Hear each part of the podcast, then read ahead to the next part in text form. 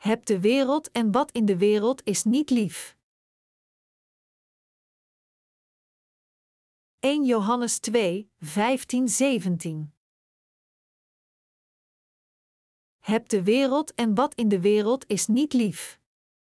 Als iemand de wereld lief heeft, is de liefde van de Vader niet in hem, want alles wat in de wereld is zelfzuchtige begeerte, afgunstige inhaligheid, pronkzucht, dat alles komt niet uit de Vader voort, maar uit de wereld.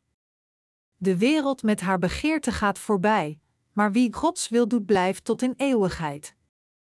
Ik weet dat u en ik worstelen met drie soorten van hartstochten. In Jacobus 4, 1 staat geschreven: Waar komt al die strijd? Waar komen al die conflicten bij u toch uit voort? Is het niet uit de hartstochten die strijd leveren in uw binnenste? Hier in 1 Johannes spreekt de Bijbel over hartstochten zoals de hartstocht van het vlees, de hartstocht van de ogen en de trots van het leven. In de feiten is het vanwege deze drie soorten van hartstochten dat we worstelen met onze levens van geloof en zo vaak struikelen over de dingen van de wereld. Vanwege de hartstocht van het vlees, de hartstocht van de ogen en de trots van het leven, worden onze levens van geloof vaak belemmerd, hoewel we gered zijn. En het maakt me diep bedroefd als ik dit zie gebeuren.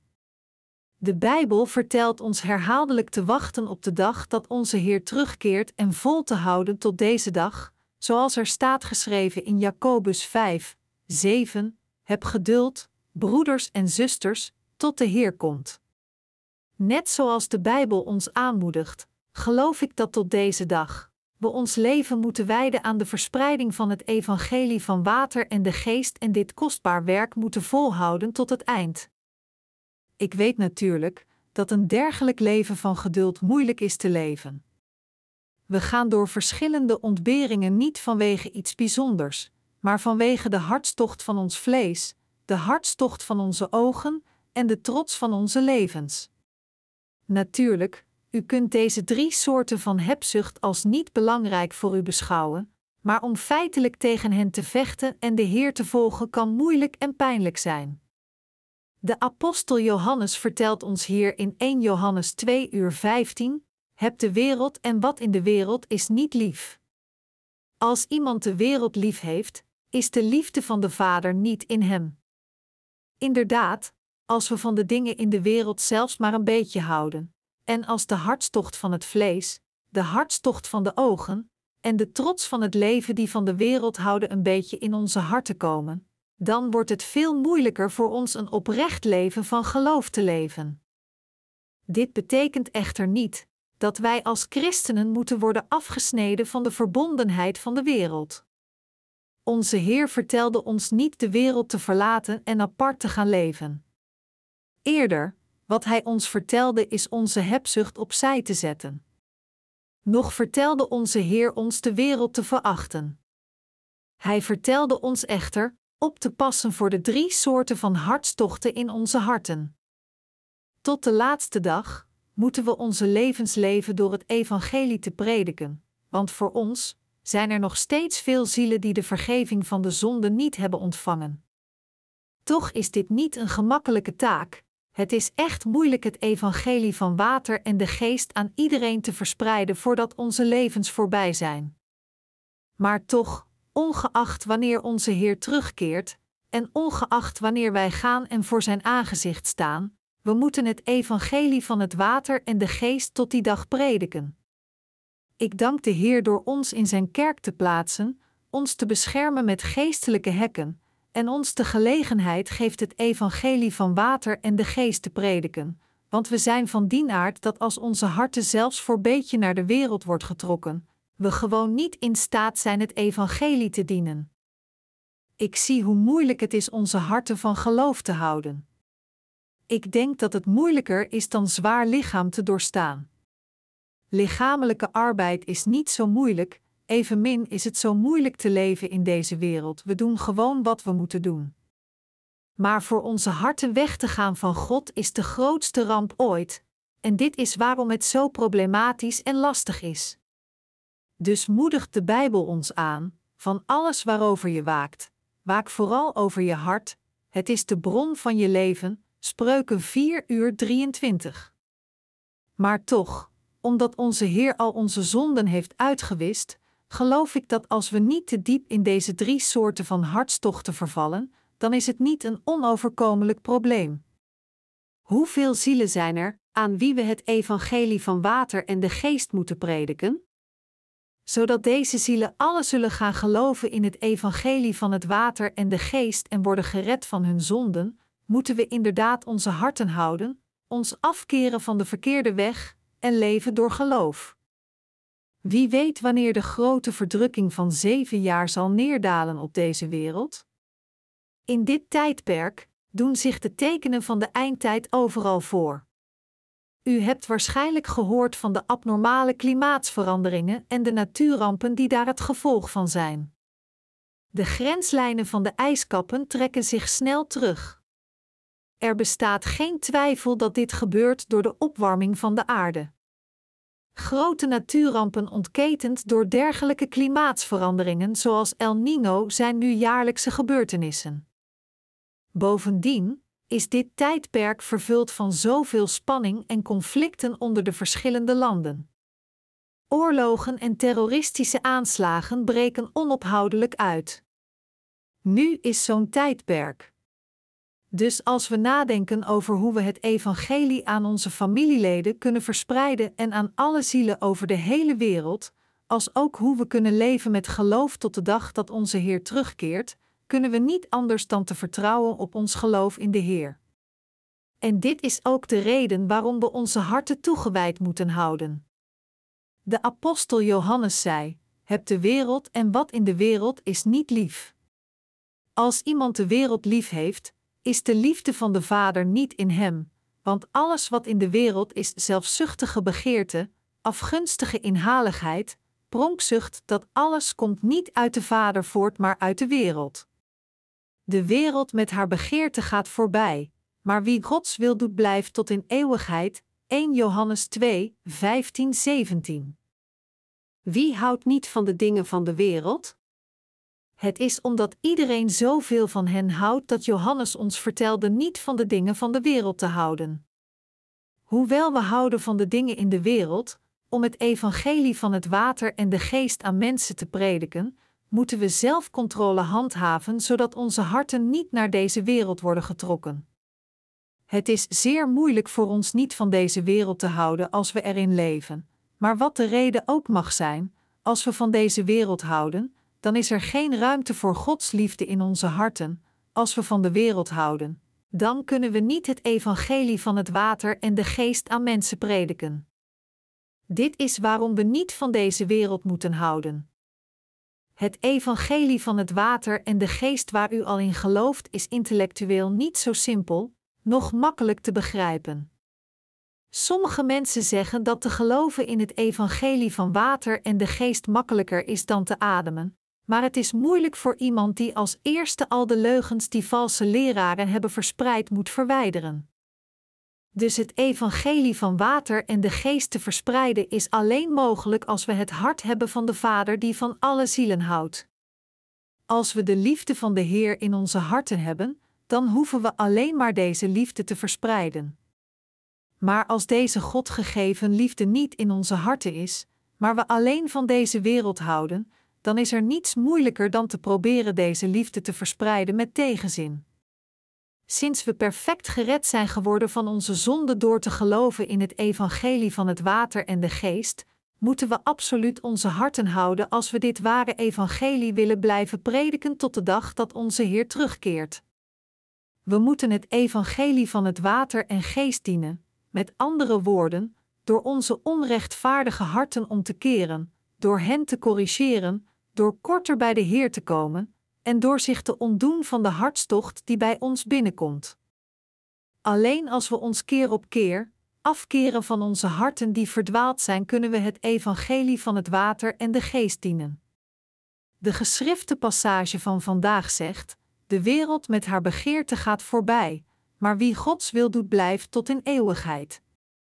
Mijn medegelovigen, dit tijdperk is het laatste tijdperk. Omdat de tijd korter bijkomt, doet Satan alles dat hij kan om iedereen van deze wereld te laten houden. Technologische vooruitgang heeft iedereen blootgesteld aan de ontelbare verleidingen die zijn hartstocht prikkelt. Door dergelijke middelen van de wereld probeert Satan alles te stelen: onze ogen, oren, lippen, handen, voeten en zelfs onze harten. Als een dergelijk tijdperk voorbij gaat, zal er niets overblijven in deze wereld, behalve oorlog, aardbevingen, rampen en verdrukking. Alleen de vernietiging zal komen na alles dat de mensheid ooit heeft gebouwd. Tot deze dag heeft de mensheid meedogenloos jacht gemaakt op vooruitstrevende wetenschap en technologie, maar daar hun ontdekkingen en uitvindingen niet alleen voor goede doelen worden gebruikt, zullen zij uiteindelijk de vernietiging aanschouwen van de dingen die zij hebben gemaakt. Dit is waarom God ons vertelt in dit uur: heb de wereld en wat in de wereld is niet lief. Hoewel het oké voor ons is van de dingen in deze wereld te genieten, is het verkeerd van hen te houden met onze harten. Het is correct voor ons om over de dingen in deze wereld te heersen, van hen te genieten en hen goed te managen en hen voor goede doelen te gebruiken. Maar ongeacht hoeveel geld we hebben in deze wereld, hoeveel dingen om trots op te zijn, en zelfs de macht om over de wereld te heersen, als deze wereld en wij zelf de vernietiging aanschouwen, zal alles totaal waardeloos worden. Het is omdat de apostel Johannes dit zo goed wist dat hij ons hier in de Bijbel vertelt: heb de wereld en wat in de wereld is niet lief. Hij vertelde ons niet te houden van de dingen van de wereld, omdat als we van hen houden, de liefde van Christus niet in onze harten is. Deze boodschap moeten we ter harte nemen en keer op keer over nadenken, zelfs als het moeilijk is voor honderden keren. Deze drie soorten van hartstochten zijn altijd kort bij, zodat we verleid kunnen worden hen op ieder moment te volgen. Maar als we de drie hartstochten van het vlees volgen, dan zal de liefde van de Vader uit onze harten verdwijnen en worden we afgesneden van Zijn liefde van zaligmaking. Daarom moeten we altijd alert en voorzichtig zijn met de dingen van de wereld, en in plaats van hen te houden, moeten we onze harten meer toewijden aan de verspreiding van het evangelie van het water en de geest. Wat is het dat u en ik het meest in dit tijdperk nodig hebben? Wat is het grootste probleem dat u en ik nu aanschouwen? Het is voor ons om van deze wereld te houden. Als er iets verkeerd is in onze harten en we onze levens van geloof alleen plichtmatig leven, dan kan dit alleen betekenen dat we tenminste één van deze drie hartstochten dienen: de hartstocht van het vlees, de hartstocht van de ogen en de trots van het leven. Als we de wereld zo volgen en naar onze eigen hartstocht zoeken, kunnen we niet een correct leven van geloof leven, en dient te gevolgen, zullen we uiteindelijk vernietigd worden, net zoals onze familie. Dus moeten we oppassen en voorzichtig zijn voor deze drie vleeselijke lusten. Hoewel dergelijke lusten van het vlees in onze harten zijn, moeten we ons realiseren dat zij niet van God zijn. De hartstocht van het vlees, met andere woorden, komt van de wereld en Satan. Bovendien, naar iets verlangen betekent niet dat het ons zal bevredigen omdat we het najagen. Het is alleen als God de Vader ons toestaat iets te hebben dat het van ons wordt. De Bijbel zegt: Als de Heer het huis niet bouwt, vergeefs zwoegen de bouwers, als de Heer de stad niet bewaakt, vergeefs doet de wachter zijn ronde. Psalmen 127, 1. Dus voor onze harten naar iets te verlangen is zinloos, en het is alleen verstandig van ons op te passen voor dergelijke hebzucht en het te overwinnen.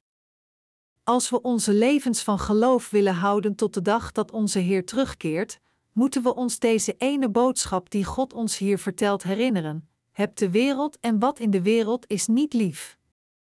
Alleen als we ons dit gebod van God herinneren, kunnen we onze levens van geloof houden tot de dag dat onze Heer terugkeert. Als we de liefde van Christus niet in onze harten hebben, dan kunnen we niet doorgaan met onze levens van geloof, want het is door de harten en geloof dat wij worden geleid. Dit is waarom wij onze liefde voor deze wereld moeten laten vallen tot de liefde van Christus in plaats daarvan in onze harten opbloeit.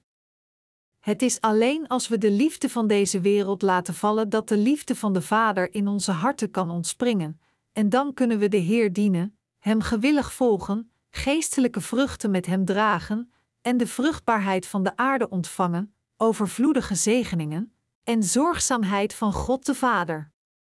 Voor ons om te worden gezegend in beide lichaam en geest, moeten we niet van de dingen van de wereld houden, maar we moeten de lust van het vlees overwinnen en ons ervan afkeren.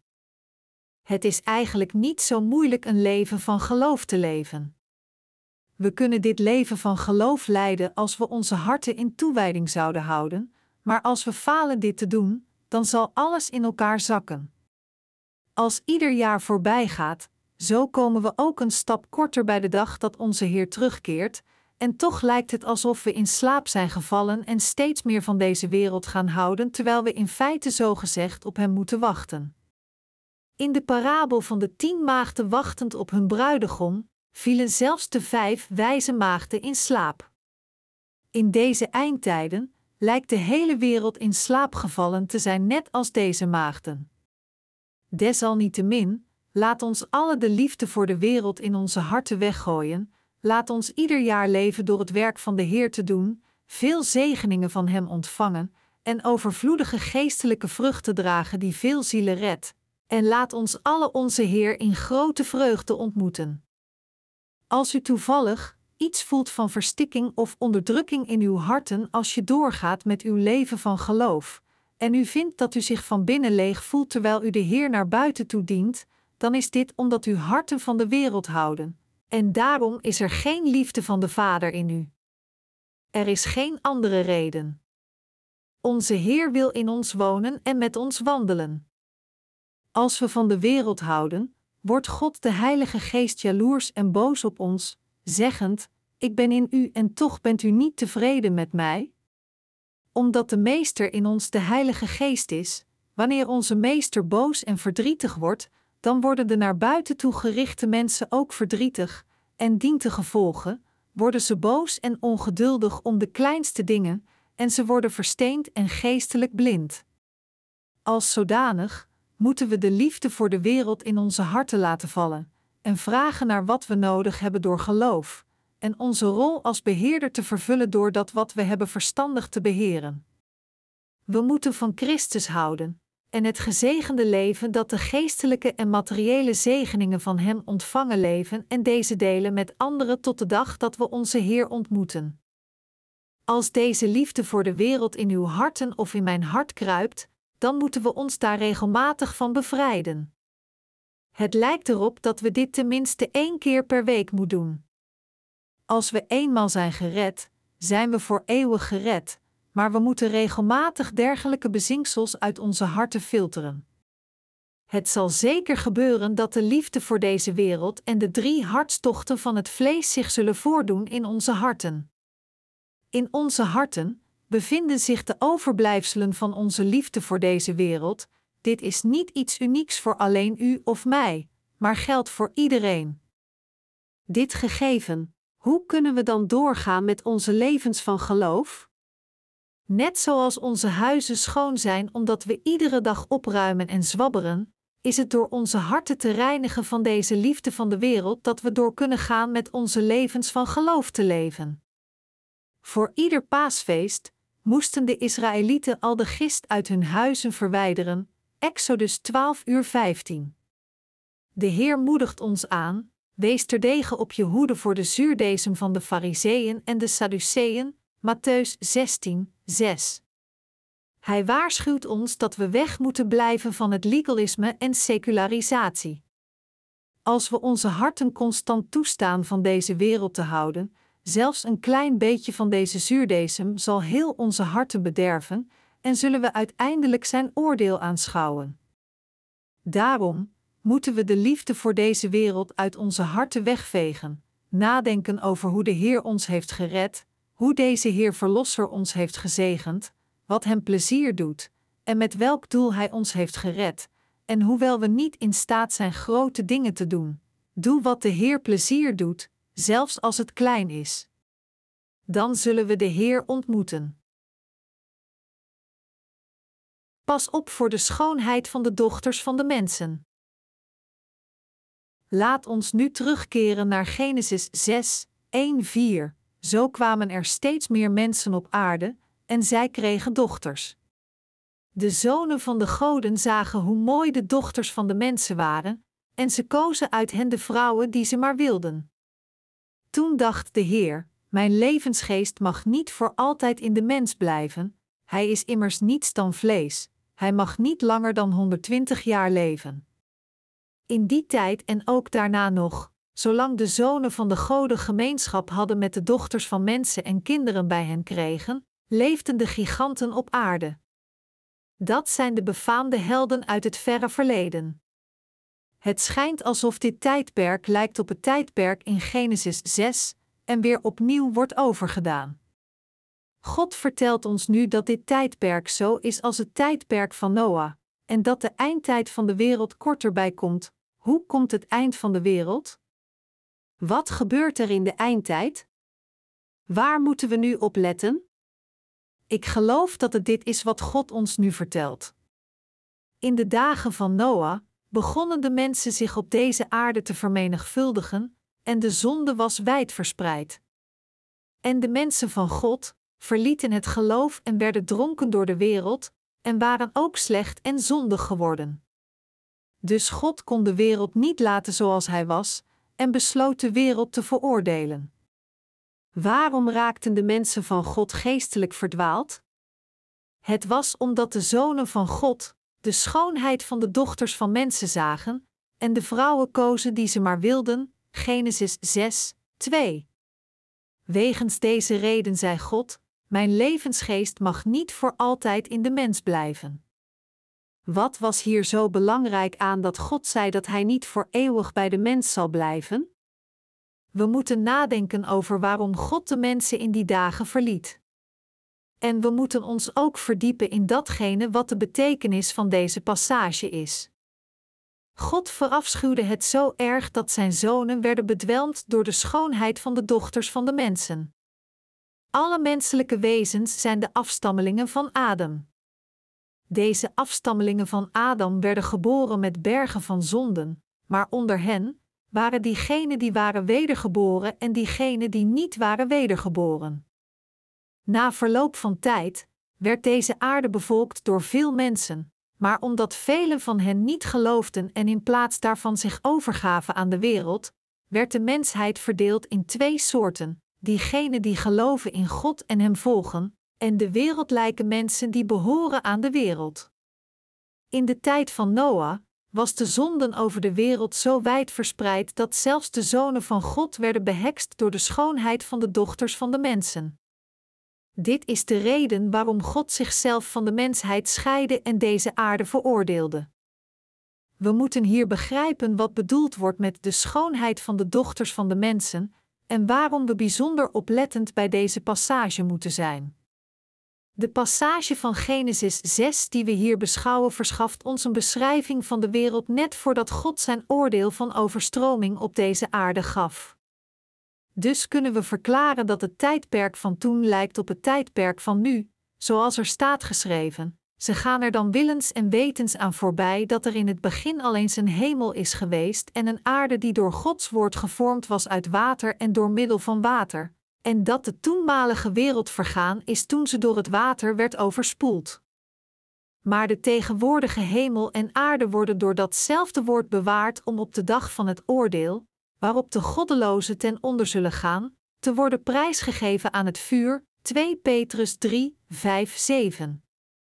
Dus wat betekent het als er hier wordt gezegd dat de zonen van God gefascineerd waren door de dochters van mensen en met hen trouwden, en dat voor dit, zij werden verlaten en veroordeeld door God?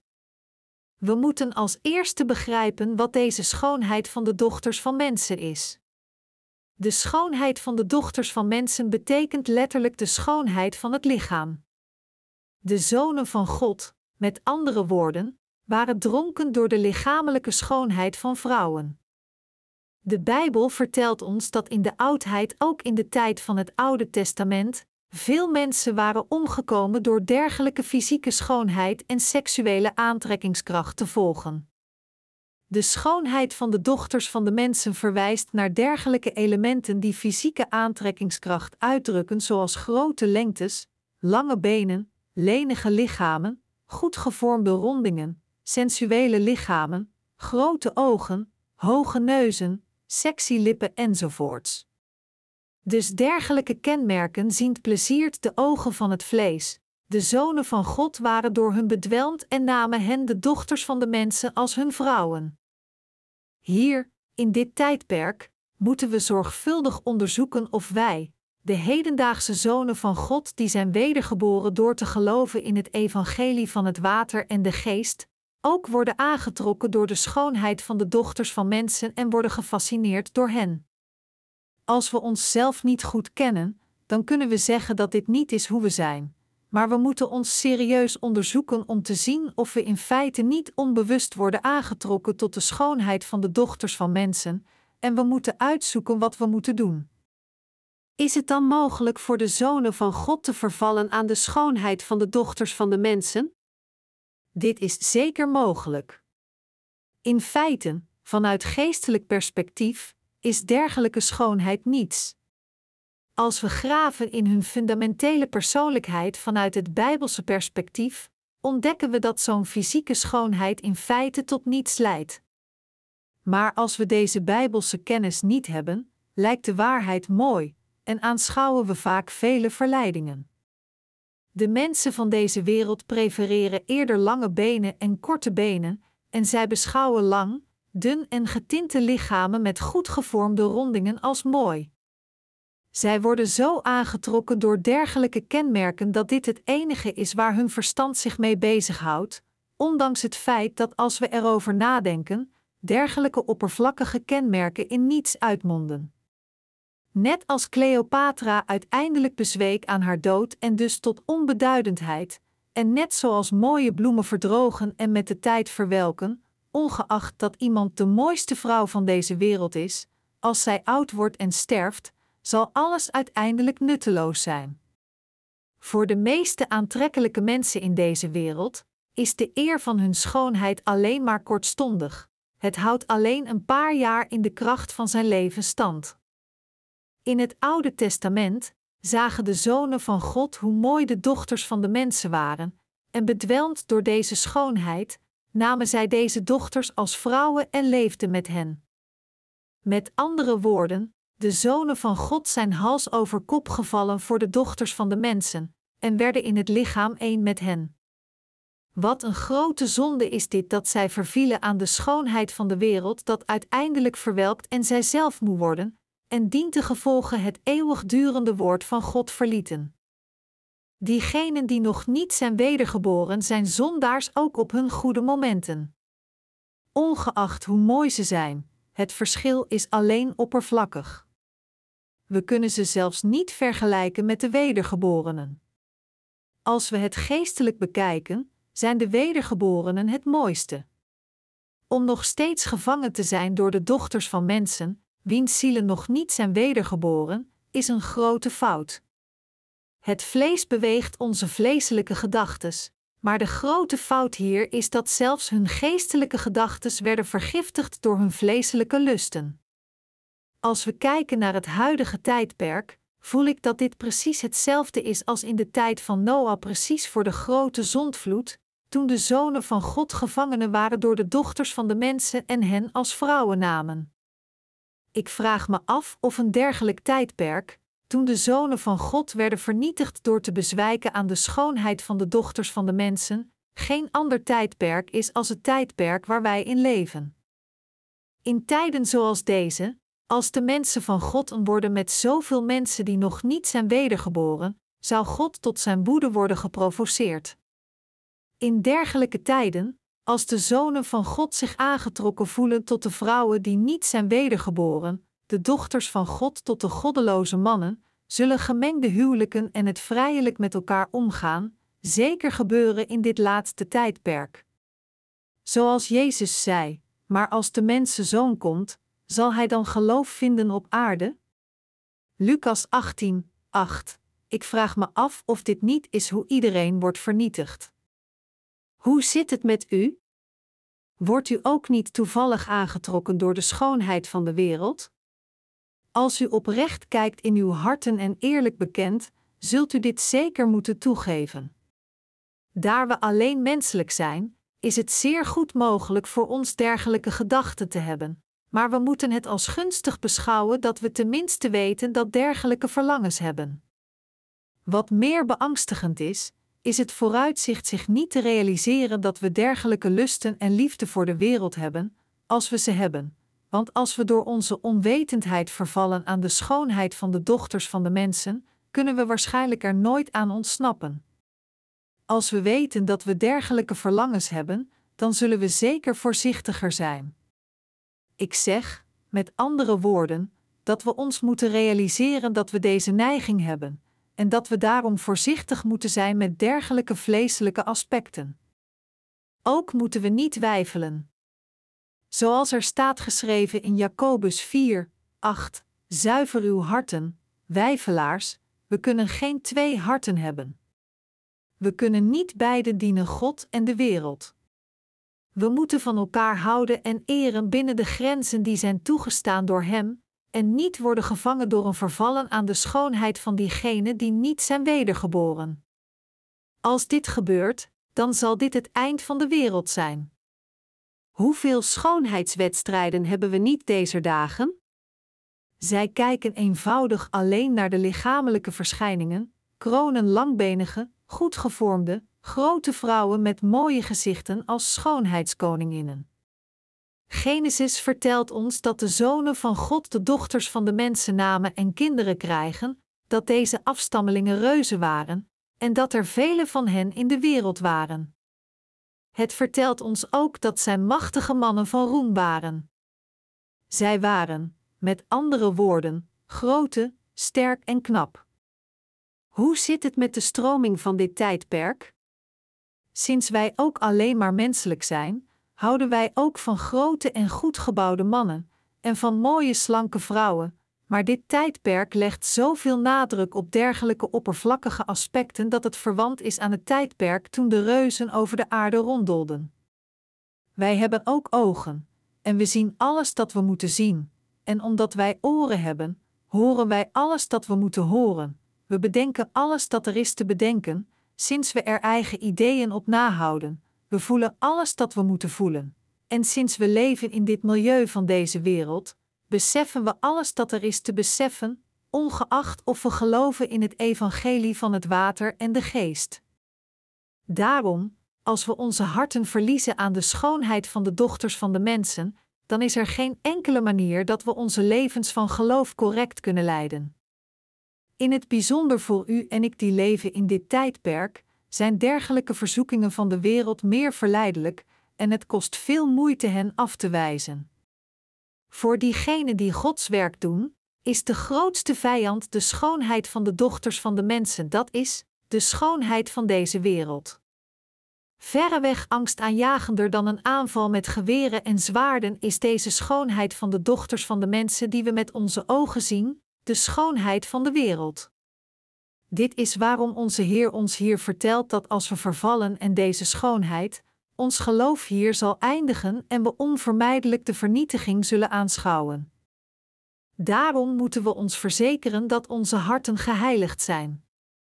Als we toevallig dergelijke lustvolle harten krijgen, moeten we onze harten heilig maken en hen corrigeren door te geloven in het evangelie van het water en de geest. Mijn beste medegelovigen, hoeveel is de schoonheid van de wereld die om ons heen is ons aan het verwarren? Er zijn zoveel verleidingen van de wereld aan het zoeken naar een gunstig moment om binnen te glippen door een kleine opening van onze ogen, harten, gedachten en verstand. Deze zijn niet ver van ons weg, maar zij zijn altijd om ons heen. We moeten in onze harten graveren dat als we hen volgen naar de wereld, we ons uiteindelijk zullen overgeven aan de hartstocht van het vlees, en dus falen het kostbare werk te vervullen dat het evangelie van het water en de geest dient. We moeten nog de wereld volgen, nog ermee omgaan. Omdat we nu in een dergelijk snel tijdperk leven, is praktisch alles makkelijk toegankelijk voor ons. In vroegere tijden, duurde het lang voor een gerucht om zich te verspreiden, maar tegenwoordig duurt het maar een paar uur voordat iedereen weet wat gisteravond is gebeurd.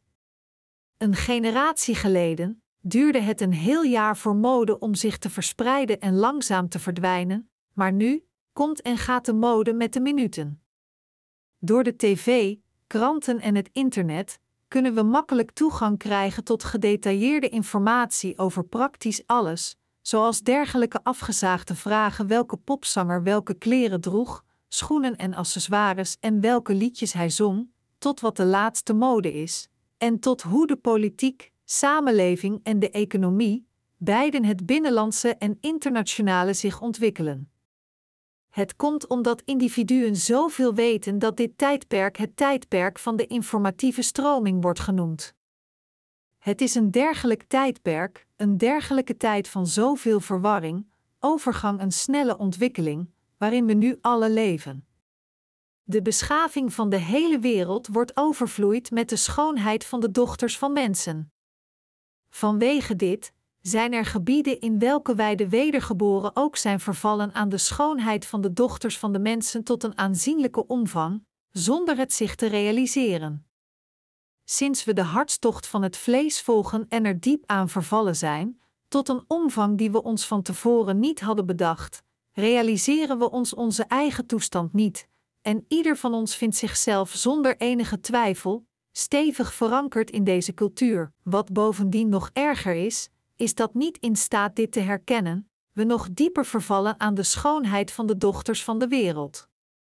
Als diegenen die zijn wedergeboren door het evangelie van het water en de geest afdrijven naar het vlees en gevangen worden door de schoonheid van de dochters van de mensen, door diegenen die niet zijn wedergeboren, zullen zij uiteindelijk worden vernietigd, want God is niet langer laat hen.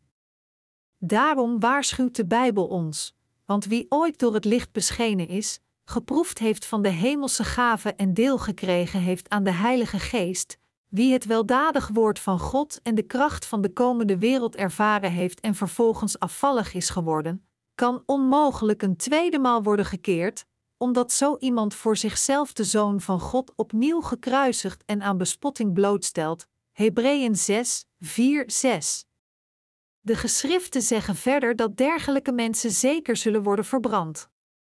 De geschrifte passage van vandaag vertelt ons dat we niet moeten toestaan dat de lust van het vlees ons gemakkelijk overwint, noch worden gevangen door de schoonheid van de dochters van de mensen, en geeft aan waar we op moeten letten als we onze levens van geloof leven.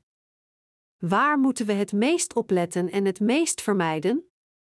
We moeten vermijden gevangen te worden door de schoonheid van de dochters van mensen, één van hen te worden, te vervallen aan de hartstocht van het vlees, en daarbij te eindigen met zich te ontdoen van Gods werk. Dit is waar we zeer voorzichtig voor moeten zijn in onze harten. Weet u hoe het precies in de tijd van Noah was voor de komst van de zondvloed? Dat tijdperk, net als dit tijdperk, was zeer voorspoedig. Sommige landen zijn nu zeer welvarend, en samen met deze voorspoed kwam de vastberaden obsessie voor oppervlakkige schoonheid, uiting brengend aan zonden, de verstening van de harten van de mensen en seksuele immoraliteit. Maar net zoals het tijdperk van Noah een welvarend was net voor het moment van zijn vernietiging, is er een grote kans dat dit ook zal gebeuren in dit tijdperk. Over de hele wereld is deze cultuur van schaamteloos hedonisme hoog ontwikkeld en wijd verspreid, door elk voorstelbaar medium van films tot video's, liedjes, spelletjes en het internet. Zelfs in minder welvarende landen is de industrie die het genot van de schoonheid van het vlees vertegenwoordigt zeer modern en groeiend, terwijl veel mensen continu honger lijden. Kijk naar het plaatje van het tijdperk dat iedereen herinnert aan het tijdperk van Noah zondvloed. De Bijbel vertelt ons het geloof van Noah te hebben, die, door zijn tijdperk te kennen en te geloven in het evangelie van het water aan de geest, eigen leven had gered als ook dat van zijn familie. De wereld van vandaag is gereserveerd voor vuur tot de dag van oordeel en de verdoemenis van de goddeloze mensen. 2 Petrus 3, 7. Met andere woorden, God zal deze wereld verbranden met vuur. Hoe is dit tijdperk dan? Het is zonder enige twijfel dat dit tijdperk nu zijn eigen ondergang nadert. Het is een tijdperk dat als geheel volkomen en diepgaand vervuld is met de schoonheid van de dochters van de mensen. En het is een tijdperk dat de zonen van God mogelijk gevangen zouden worden door hun schoonheid. De trieste waarheid is dat zelfs diegenen die ogenschijnlijk beweren te geloven in God en Hem volgen, verre van getuigenis te dragen aan de ongelovigen, feitelijk worden gefascineerd en bekeerd door hen. We moeten ons hier herinneren wat de Heer tegen ons zei: dat Hij zou komen als de tijden zo zijn dat de zonen van God, verre van het evangelie aan de ongelovigen te prediken, in plaats daarvan door hen worden bekeerd en verzadigd worden in hun vlees en de wereld volgen. Als dit gebeurt, zal het einde van de wereld komen. Wij moeten erkennen en ons realiseren dat het mogelijk is aan dergelijke corruptie te vervallen, en als dit gebeurt, we door hen worden vernietigd. We moeten opletten voor dit soort van verleiding, en tot de dag dat onze Heer terugkeert, moeten we onze waakzaamheid handhaven, wakker blijven, bidden en onze harten houden. We moeten niet de schoonheid van diegenen volgen die nog niet zijn wedergeboren, en worden verleid door de wereld om het werk van God op te geven. We moeten ons realiseren dat we ons geloof in het evangelie van het water en de geest in onze harten moeten houden en het werk van God moeten doen tot de laatste dagen, en niet worden gevangen door de wereld en de hartstocht van het vlees te volgen. We moeten onze harten heiligen door te geloven in het evangelie van het water en de geest, en onze harten altijd ijverig schoon houden. Wij zijn de zonen van God. Wij moeten niet worden gevangen door de schoonheid van de dochters van de mensen. Wij moeten het niet volgen. Ieder van ons, onze broeders en zusters en de dienaren van God, moeten het niet volgen. Als we het volgen, betekent dit alleen onze vernietiging. Als de wedergeboren de schoonheid van de wereld volgen, zullen zij niet alleen hun eigen vernietiging aanschouwen, maar hoe meer van dit soort mensen, hoe eerder het oordeel van deze wereld zal komen. Er zal, met andere woorden, geen hoop meer zijn in deze wereld. We moeten opletten voor dergelijke zwakheden in ons en voorzichtig zijn, ons realiseren dat het mogelijk is voor ons aan de zondige wereld te vervallen. En geloofhebbend, moeten we niet, in dit tijdperk als de terugkeer van de Heer voor de deur staat, worden bedrogen door de verleidingen en listen van de wereld, nog moeten we de lust van het vlees volgen en alles in de steek laten. Geloofhebbend in het feit dat we wedergeboren zijn door water en geest in Jezus Christus, moeten we in zuiverheid leven. En we moeten ons geloof verstevigen zodat we niet vervallen aan de schoonheid van deze wereld. We moeten in plaats daarvan ertegen vechten zodat we uiteindelijk niet onze Heer verraden. Ik hoop en bid dat in deze tijden, als het einde zo kortbij is, niemand ooit zijn geloof zal opgeven. Als u eenmaal bent wedergeboren, moet u de Heer niet verraden, onze Verlosser, noch de schoonheid van de dochters van mensen volgen. Het volgen van de dochters van mensen betekent niet dat mannen vrouwen volgen en vrouwen mannen volgen. Eerder, het volgen van roem, macht, rijkdom, of de schoonheid van deze wereld is het volgen van de schoonheid van de dochters van mensen. Daarom, in plaats van de rijkdom, roem, gezamenlijke schoonheid of alles dat mooi is in deze wereld te volgen, moeten we ons herinneren dat de Heer ons het prachtige geloof in het evangelie van het water en de geest heeft gegeven. Houd dit geloof, dank God, houd een heilig uw harten altijd.